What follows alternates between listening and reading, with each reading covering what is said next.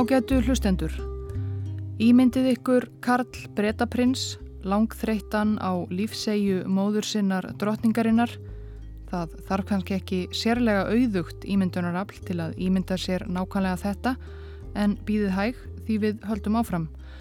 Ímyndið ykkur sem sé hinn langþreytta Karl Krónprins af Breitlandi. Eittkvert föstudagskvöldið mætir hann á reglulega samverustund bresku konungsfjölskyldunar í Buckingham Hall í Lundunum. Þar er reglan að stórfjölskyldan hittist yfir drikkjum eða kvöldverði til að rækta fjölskylduböndin. Allt er mjög óformlegt, örlítið frí frá önnum hins konunglega lífs og starfs. En þetta föstudagskvöld er öðruvísi. Því skömmu áður en fjölskyldan sestað kvöldverðarborðinu dregur Karl Prins upp bissu. Hann skýtur móður sína Elisabetu drotningu og föður sinn Filipus Prins bæði til bana. Hann skýtur bræður sína Andrés og Játvarð, hann skýtur sýstur sína Önnu prinsessu og hann skýtur síni sína unga Vilhjálm og Harry. Að lokum beinir hann bissunni að sjálfum sér. Ágætu hlustendur, þetta er auðvitað fjärstaðu kent atbyrðarás en það vorum við blessunarlega bara að ímynda okkur þetta. Við getum haldið áfram og ímyndað okkur líka eftir málinn af þessum vofeflega atbyrði. Auðvitað er öll breska krúnan í uppnámi, krónprinsinn hafandi myrt, sitjandi drotningu og sjálfan sig að auki. Það þarf að hoppa niður nokkuð fleiri þrepi í erðaröðinni en jafnan er þegar þjóðhöfðingi fellur frá til að finna þann sem nú á að taka við konungstólnum. Breska þjóðin er í sjokki og auðvitað hálf heimsbyggðin með henni. Annaðeins blóðbaði konungshöll hefur sjaldan sérst hvað þá á vorum dögum. Hvarvetna er það fátt annað en konungsmorðin sem kemst að í fjölmiðlum, dögum og vikum saman.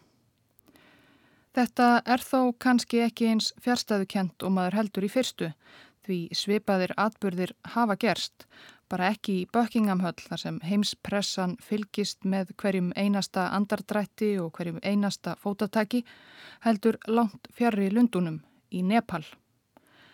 Það eru nefnilega einmitt liðin 15 ár um þessar mundir frá því að Dípendra, krónprinsinn af Nepal, myrti föður sinn, konungin og móður sína drotninguna, yngri bróður sinn og sex ættingja til viðbótar og serði fjóra frændur og frængur alvarlega og beindi svo bissunni að sjálfum sér.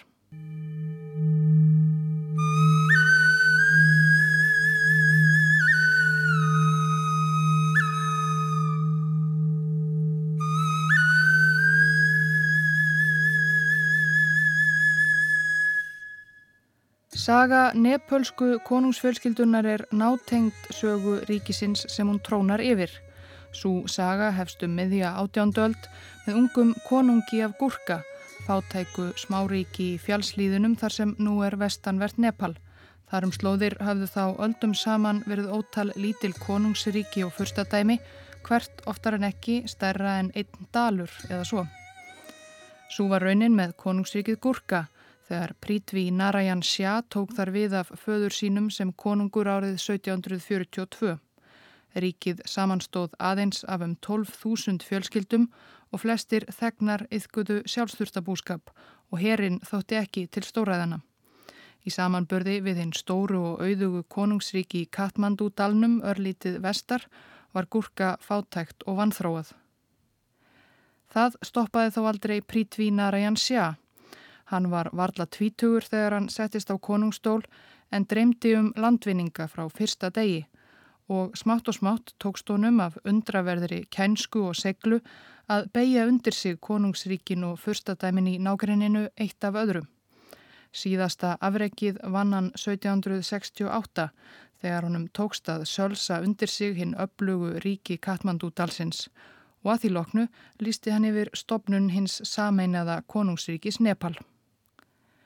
Til er fræg þjóðsaga af því þegar Prítví Narajan lagði undir sig Katmandú. Þegar konungurinn mikli var að búa sig undir loka alluguna, rakst hann á heilagan mann, innbúa. Hann tók skildur sínar gagvart slíkum mönnum alvarlega og bauð honum því skál af jógurt að gæða sér á. Sá heilagi kláraði jógurtina en ældi henni svo allir upp aftur ofan í skálina og rétti hana konunginum. Prítvi Narajan hreilti sig og flegði æluskálinni í helgamannin sem fekk allt ógeðið yfir sig. Við þetta brjálaðist einbúin. Bara ef hann hefði látið sig hafa það að kingja upp ældri jógurtinni þá hefði hann fengið allar óskir sínar uppfylltar. En þessi stað myndi hann leggja á hann bölfun. Vissulega myndi Prítvi Narajan Sjá senn takast að leggja undir sig Katmandu og allt Nepal en arftakar hans myndu bara ráða þar ríkjum í tíu kynnslóðir. Eftir það myndi konungsætt sjá hana líða undir lok. Samakvort menn trúa á áhrifamátt slíkra bölvana eða ekki, þá átti hinn heilagi eftir að reynast þarna nokkuð sansbár.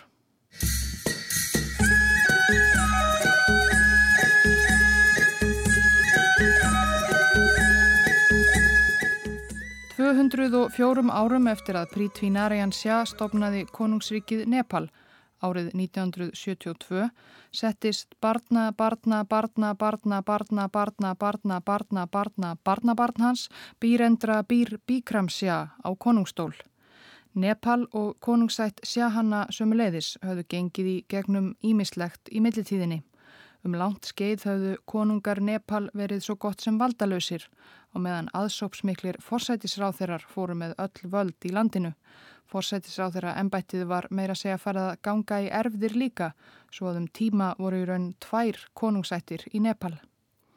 En það fyrirkomulag var á bak og burt þegar býrendra býr Bikram Sjá settist á konungstólinn.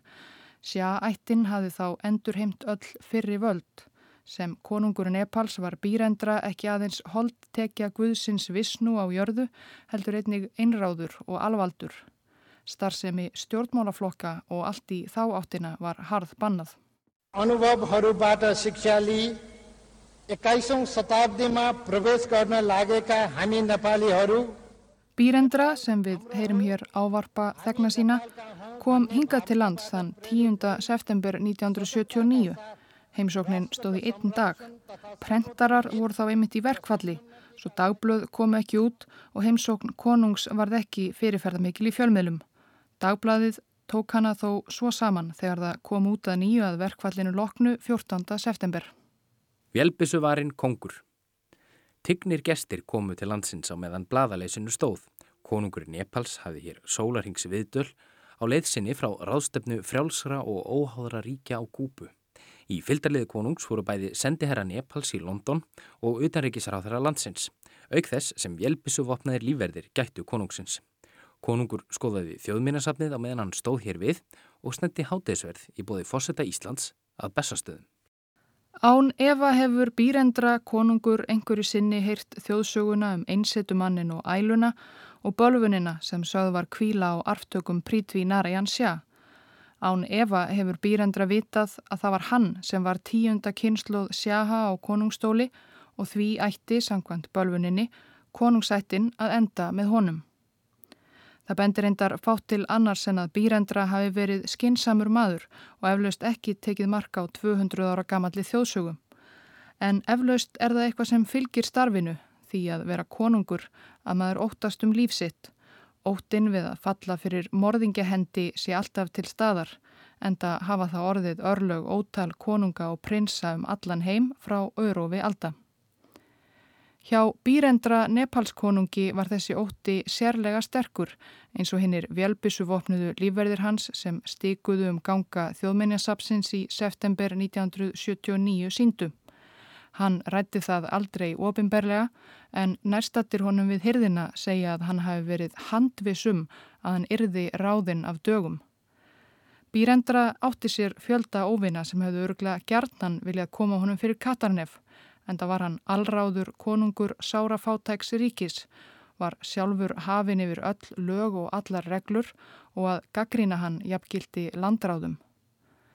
Andstaða við allræði konungsins jógst jamt og þétt og vorið 1990 streymdi almenningur út á götur Katmandú og krafðist umbóta og líðræðis. Óerða laurugla tók á móti þúsundum mótmælenda sem flættu upp að þykku stálhliði konungshallarinnar. Lauruglumenn skutu inn í fjöldan svo að mörg hundruð óvopnaðir mótmælendur fjallu. Eftir þetta hefði kannski einhver búist við því að býrendra kallaði út herin til að kveða niður andofið. En það sem hann gerði var að kalla helstu fylkingar stjórnaranstæðinga á sinn fund og svo fjálst hann fúslega á kröfur þeirra. Hann afsalaði sér allræðisvöldum og fekk í staðin að setja áfram miklu valdaminni í nýju og líðræðislegu Nepal. Þetta voru ágætt skipti, Býrendra varð gífurlega vinsæl meðal almennings. Hann reyndi líka næstu árin ímislegt til að færa konungsfjölskyttuna örlítið nær alþýðunni, let sjá sig oftar ofinberlega, lefði almenningi að koma í konungshöllina í fyrsta sinn. Hann brittaði líka upp á þeirri nýlundu að brosa á ljósmyndum Slíkt hafði nepalst kongafólk, guðir meðal manna, aldrei látið sjá sig gera áður.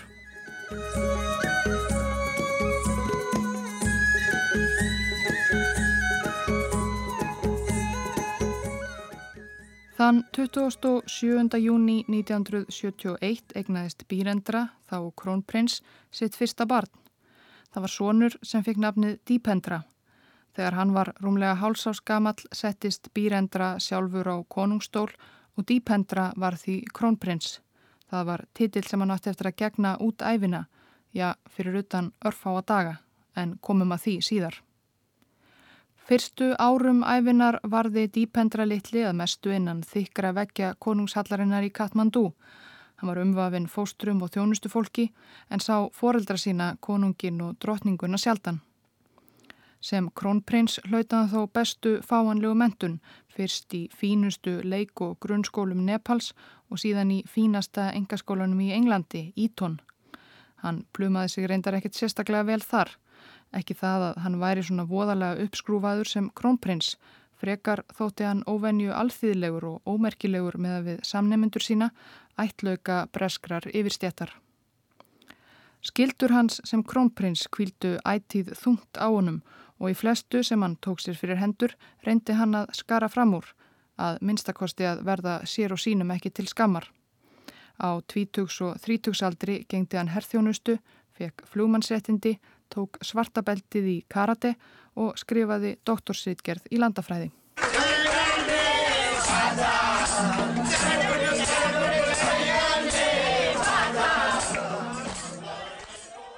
Við heyrum brot úr myndbandi sem tekið var á veitingahúsi í Katmandú eftir vill fyrir svona 17-18 árum.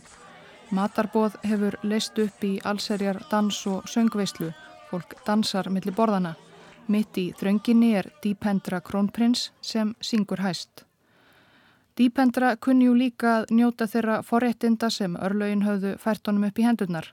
Hann hafði unun af mat og drikk, nokkuð sem fór að sjást á vakstarlægi hans eftir því sem hann mjakaðist upp þrítugsaldurinn og hann hafði gaman af því að keira ognar hratt á sportbílunum sínum um götur Katmandú. Hann mátti það, líkt og aðrir í konungsfjölskyldunni var hann ósnertanlegur, lögin gildu ekki um þau. Kvennamálin reyndust honum þó erfið. Auðvitað gætt krónprinsinn ekki látið sjá sig með hvaða stúlku sem var. Hefðin var að drottningin og aðrar heldri konur við hyrðina veru látnar ráða þessu. Þær hefðu upp á áleitlegu konfangi úr góðri ætt. En Dípendra var þrátt fyrir allt nútíma maður að hluta til alin upp í Evrópu og innst inni vildi hann fylgja hjartanu. Og að lokum kynntist hann stúlku. Það var í nepölsku yfirstjættarparti í Lundunum. Hún hétt Deviani Rana, var bæði fögur og úr góðri fjölskyldu. Fadir hennar var utaríkisráð þeirra Nepals og móðurinn af indverskum aðalsættum og það sem helst heitlaði krónprinsinn, hún var fluggreint, ákveðin, sjálfstæð og hrinskilinn eins og ferskur andvari í samanburði við smeðjutnar sem hann var vanur að umgangast við hyrðina. Dípendra varð yfir sig ástfangin en það mátti ekki fara hátt. Stefnumóta standað vestrænum síðu var ekki venjan í Nepal, hvað þá fyrir sjálfan krónprinsinn. Það er því stórskandal ef hann sæjist með ókunri konu eitthvað að dandalast á gödum Katmandú. Svo að Dípendra og Deviani fóru lengt með ást sína.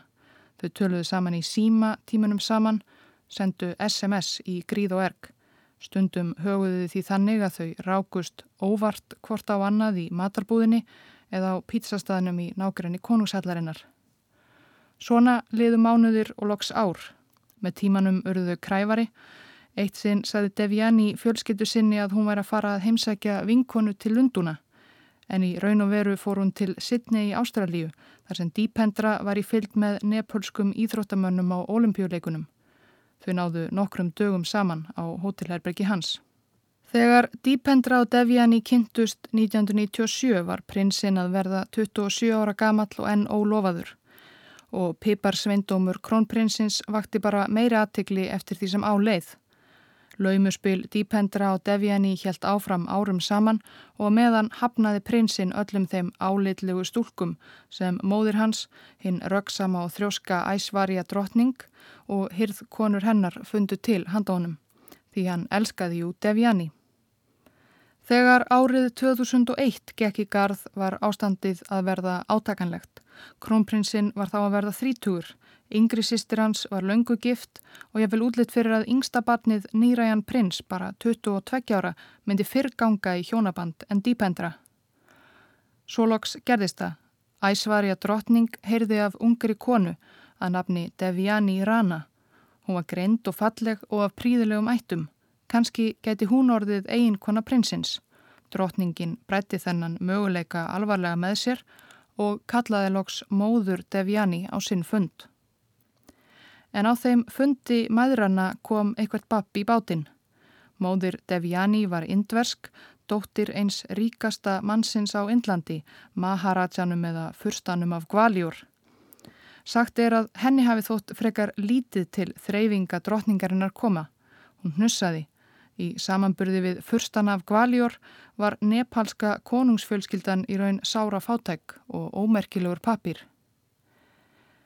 Hvað sem móðir Deviani sagði þá var það eitthvað sem gerði æsvarja drottningu æfa reyða. Svona pakk skildi hún ekki fá inn í sína fjölskyldu. Hún þvert okk fyrir að þau Díprani og Deviani fengu að eigast, jafnvel þegar í ljós kom hversu áfjáður krónprinsinn sonur hennar var í að giftast Deviani. Ekkert fekk hakkað þessari skoðun hennar sama hvað Díprani sagði og sama hversu þunglindur og ódreiknarlegur hann virtist verða með tímanum. Sama þótt hann færi að drekka meira og meira. Ekkert fekk hakkað drotningunni.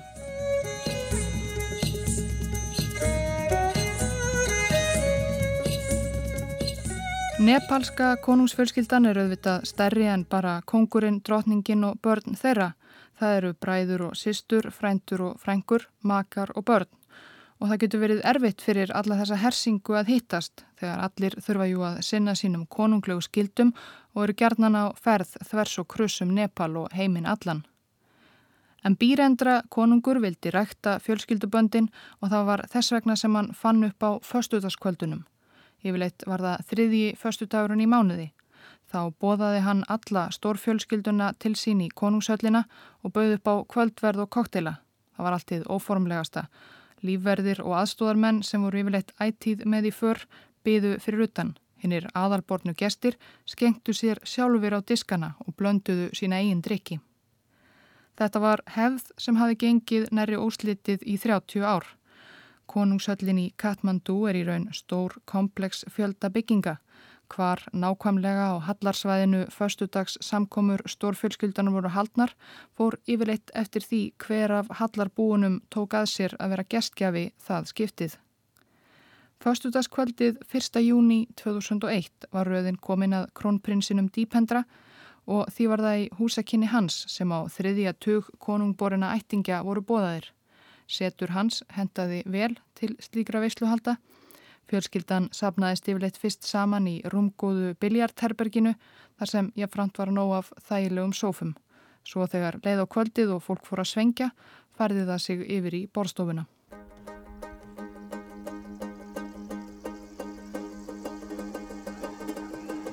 Fyrrum daginn hafði krónprinsinn verið í tepóði með fóröldum sínum.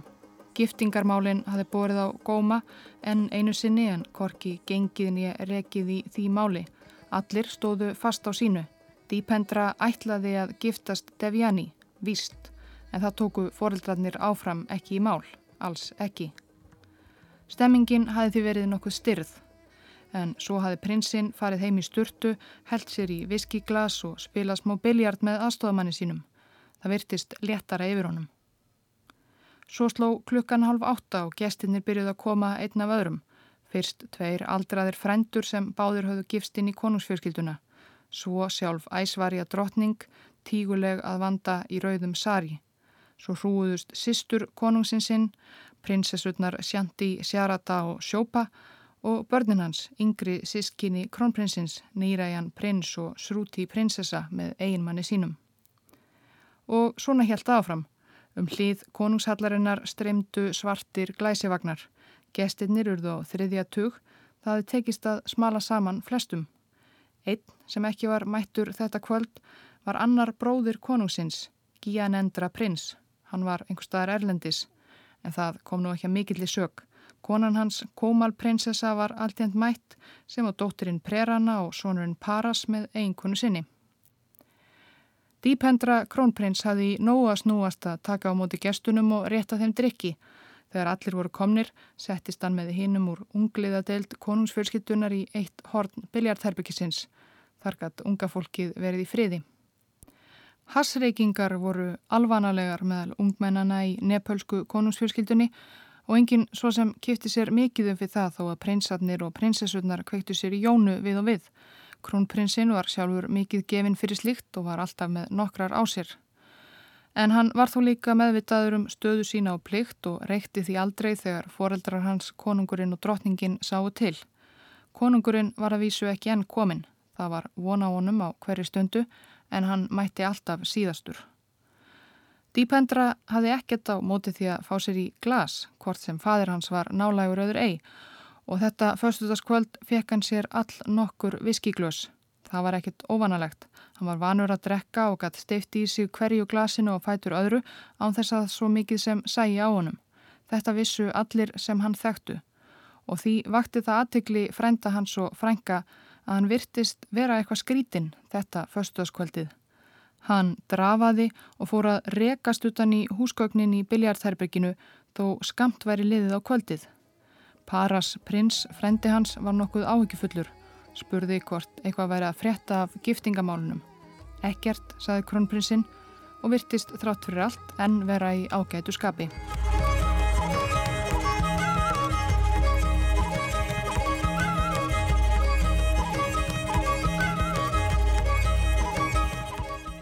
Upp úr átta fór krónprinsinn úr veislunni, kerði í hinnenda hallarkomplexins til að sækja ömmu sína, móður konungsins.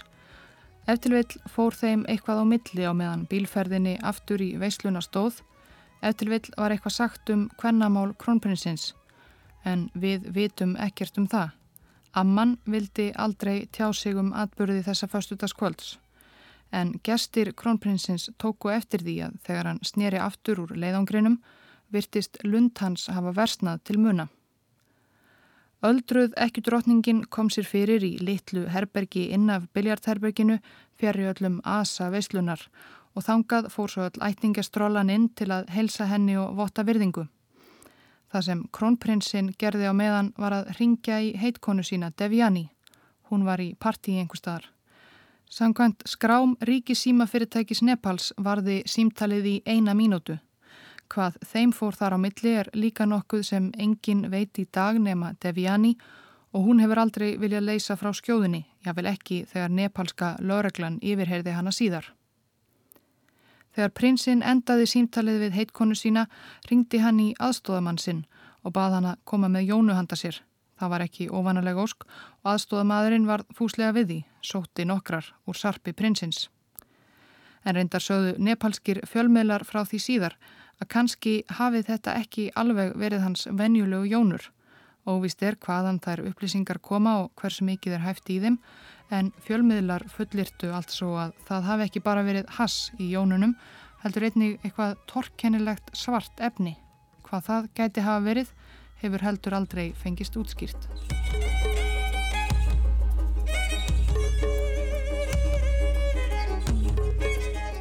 Deviani tók líka aftur upp farsíman nokkrum mínútum eftir að hún hafi lagt á elskuga sinn. Hún ringdi í annan af aðstofamönnum prinsins og sagði honum að hún hefði áhyggjur af dýpendra. Hann hafi verið eitthvað skrítin í símanum áðan, sagði hún. Hann drafaði. Hún baði aðstóða mannin að hafa uppi á prinsinum og aðtuga hvort það væri ekki örglega allt í lægi með hann. Það virtist enda ærin ástæða til að hafa áhyggjur. Því nú var krónprinsinn farin að veltast um biljarþerbergið eins og hann væri ofur ölfi Þó var klukkan bara rétt að ganga nýju og eftir því sem aðrir gestir best vissu hafði hann bara fengið sér nokkra drikki. Það var orðið frekar vandræðalegt. Til allarar hamingu voru flestir ættingjarnir ennin í herbergi með ekkjudrótningunni og urðu því ekki vitni að því þegar nokkrir yngri prinsar og prinsessur reyndu að reysa dýpendra upp þegar hann húrraði aftur og aftur niður á gólfið. En það var til lítils. Einmitt þegar unga kongafólkið herði að nú var sjálfur býrendra konungur að ganga inn, lippaðist dýpendra nýður enn eina ferðina og í þetta sinn var hann alveg meðvitundalus. Hátterni dýpendra til þessa hafi sannarlega verið vandræðalegt en fátt geti verið verra en að hans eigin fadir sæi hann þarna áfengi stauðan á gólfi biljarterbyggisins. Unga frændfólkið hans vissi þetta og fjögur saman gripu þau í hendur og fætur prinsins og tókst með miklum herkjum, hann var jú bæði hávaksinn og feitlægin, að draga hann út og inn í Svefnenbergið. Þar komu þau honum fyrir á dívan og slögtu ljósinn, flýttu sér svo út og tóku á móti kongi eins og ekkert hefði í skorist. Þrátt fyrir að farið hafi fram óháður ansókn á atbyrðum föstudaskvöldsins 1. júni fyrir 15 árum er enn ótalmart á huldu. Við vitum meðal annars ekki nákvæmlega hvað átti sér stað inni í Svefnebergi krónprinsins eftir að frændfólk hans hafi komið honum þar fyrir meðvitundarlausum á dívan. Prinsinn veriðist allavega hafa verið ansi fljótur að koma til því aðeins örfa og mínútum síðar var hann orðin nógu rest til að taka upp farsíman og ringja aftur í unustu sína. En og aftur vitum við varla hvað þeim fór á milli. Í yfirheyslu lauruglu virtist unnustan Devjani varla muna hvað var sagt í þessu símtali sem varð þeirra síðasta. Jú, dýpendra bauð góða nótt og saðist ætla í hátinn. En eitt vitum við og það er að dýpendra fór ekki í hátinn. Þessi stað skipti hann um fött, fór úr sparifötunum og í herrklæðinað, buksur og jakka í felulitum, reymaði á sig hermannaklossa og setti á sig svarta leðurhanska og svo hlóðan sig vopnum. Dýpendra hafi löngum verið áhuga maður um hverskins vopnabúnað og bissum átti hann nóg og nú greip hann það helsta, skambissu, vélbissu, riffil og haglabissu að auki og svo nóg af skotum.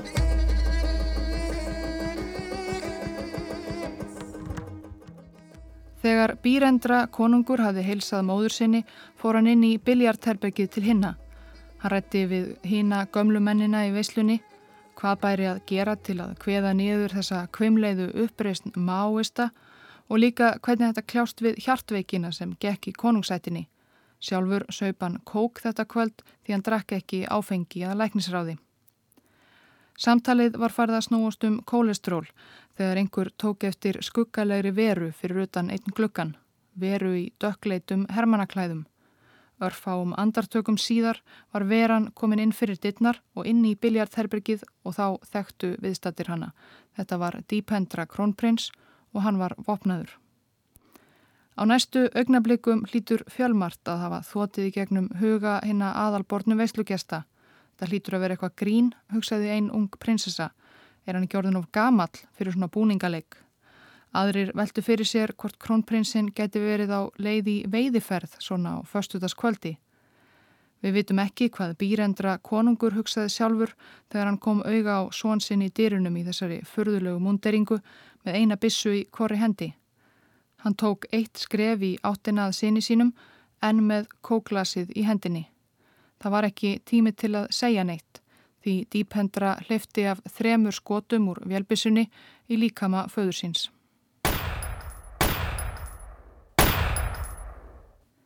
Í eitt andartak var háfaðin ærandi. Svo fjall líkami Nepalskonungs í gólfið og þögnin tók við. Viðstattir voru Akdofa í sjokki. Dípendra snerist á hæli og gekk út sömu leið og hann hafi komið. Blóð seitlaði úr skotsári á hálsi föður hans. Hann var alvarlega særður en enn á lífi, svo einhverjir stukku til og stumruðu yfir honum. Aðrir hlupu út skjelvingu losnir. Það gafst annars ekki mikill tími til að veita konungi skyndihjálp. Því dýpendra krónprins kom fljótlega aftur inn og nú miðaði hann ekki á neitt sérstatt, heldur létt kúlunum regna yfir herbergið og yfir sína nánustu ættingja. Frændur hans, frængur og sískinni hrundu niður.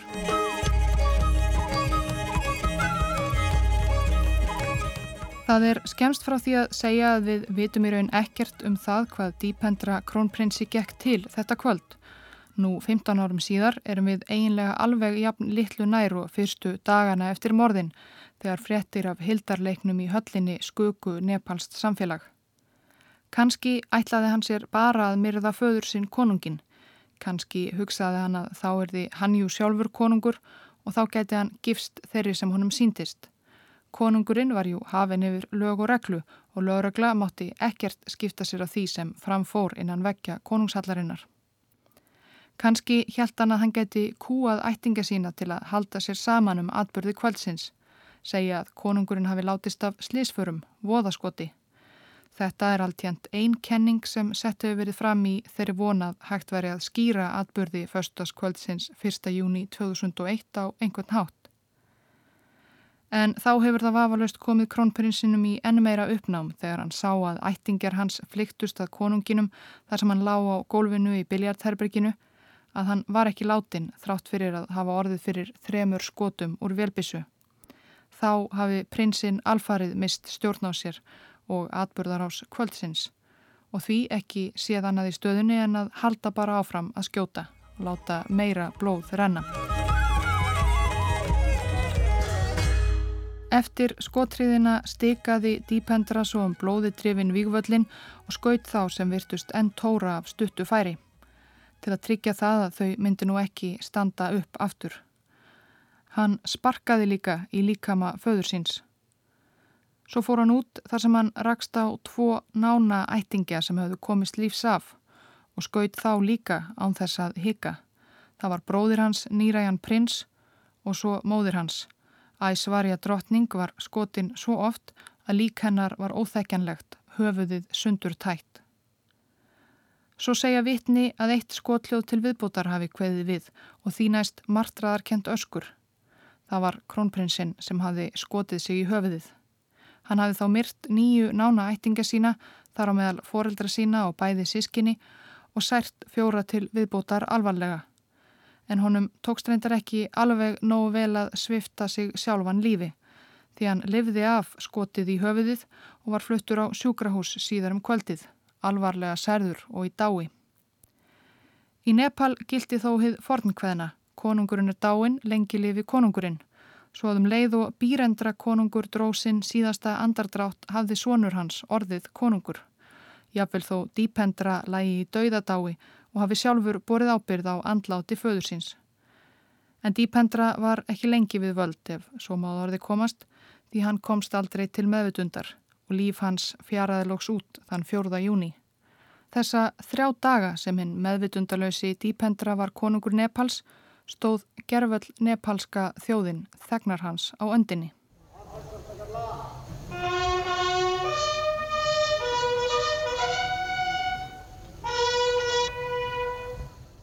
Allir vissu að eitthvað hræðilegt hafi gerst í konungshöllinni á förstaskvöldið. Allir vissu að konungurinn, drotningin og fleiri úr konungsfjölskyldunni væru látin en það fóru bálfarir þeirra fram dægin eftir morðin að sið hindúa en yfirvöld og nepalskir fjölmiðlar heldu því fram að einhvers konar slis hefði átt sér stað. Því jú, Dípendra var orðin konungur og ekki hægt að bendla hann við svo alvarlegan glæp sem morð. Loks þegar Dípendra var allur var hægt að leysa frá skjóðunni og stjórnvöld tóku jafnvel þá rótæka ákverðun að leifa óháða borgarlega rannsókn á atbörðum förstaskvöldsins Nýðurstaða þeirrar rannsóknar var helst að negla nýður þá atbyrðarás sem hér hefur verið reyfuð, hverja dýpendra myrti, hvenar og hvernig. En við getum enn bara getið okkur til um það hvers vegna. Líklegasta skýringin er talin að dýpendra hafi bara mist vitið, orðið sturdlaður af því að fá ekki að giftast konunni sem hann elskaði. En auðvitað hafa svo líka ótal samsæriskenningar verið settar fram. Það njóta margar hilli í Nepal að CIA eða indverska leinithjónustan hafi staðið baki morðunum eða þá uppreysnar mennum áista, klínt sökinni á krónprinsinn. Bróðir konungsins Gianendra prins sem hafi verið fjárverandi og ekki komist í förstudagsveiltuna tók við konungstólnum að dýpendra látnum. Hann hafi ættíð verið óvinnsæl og konungsættin, afkomendur landföðursins Prítvi Narayan Shah, hafi beðið óbætanlegan skada. Gianendra varð enda ekki farsæl á konungstóli. Máistarnir letu sífælt meira að sér kveða eftir því sem leið á fyrsta áratug þessar aldar með árásum og ofbeldi. Að lokum varð ástandið svo slæmt að Gianendra konungur tók þá afdrifaríku ákverðun að ónýta allar vinsælu líðræðis umbætur bróður síns sáluga og taka sér allræðisvald. Það reyndist mjög óvinnsælt skref og þó hann bakkaði síðan með það var skaðin skeður. Nepalska þjóðin hafi mist áhúan á konungsvaldinu. Í mæ 2008 lísti Nepalska þingið því yfir að landið væri hérðan í frá liðveldi og 240 ára sögu Nepalska konungsríkisins var lokið.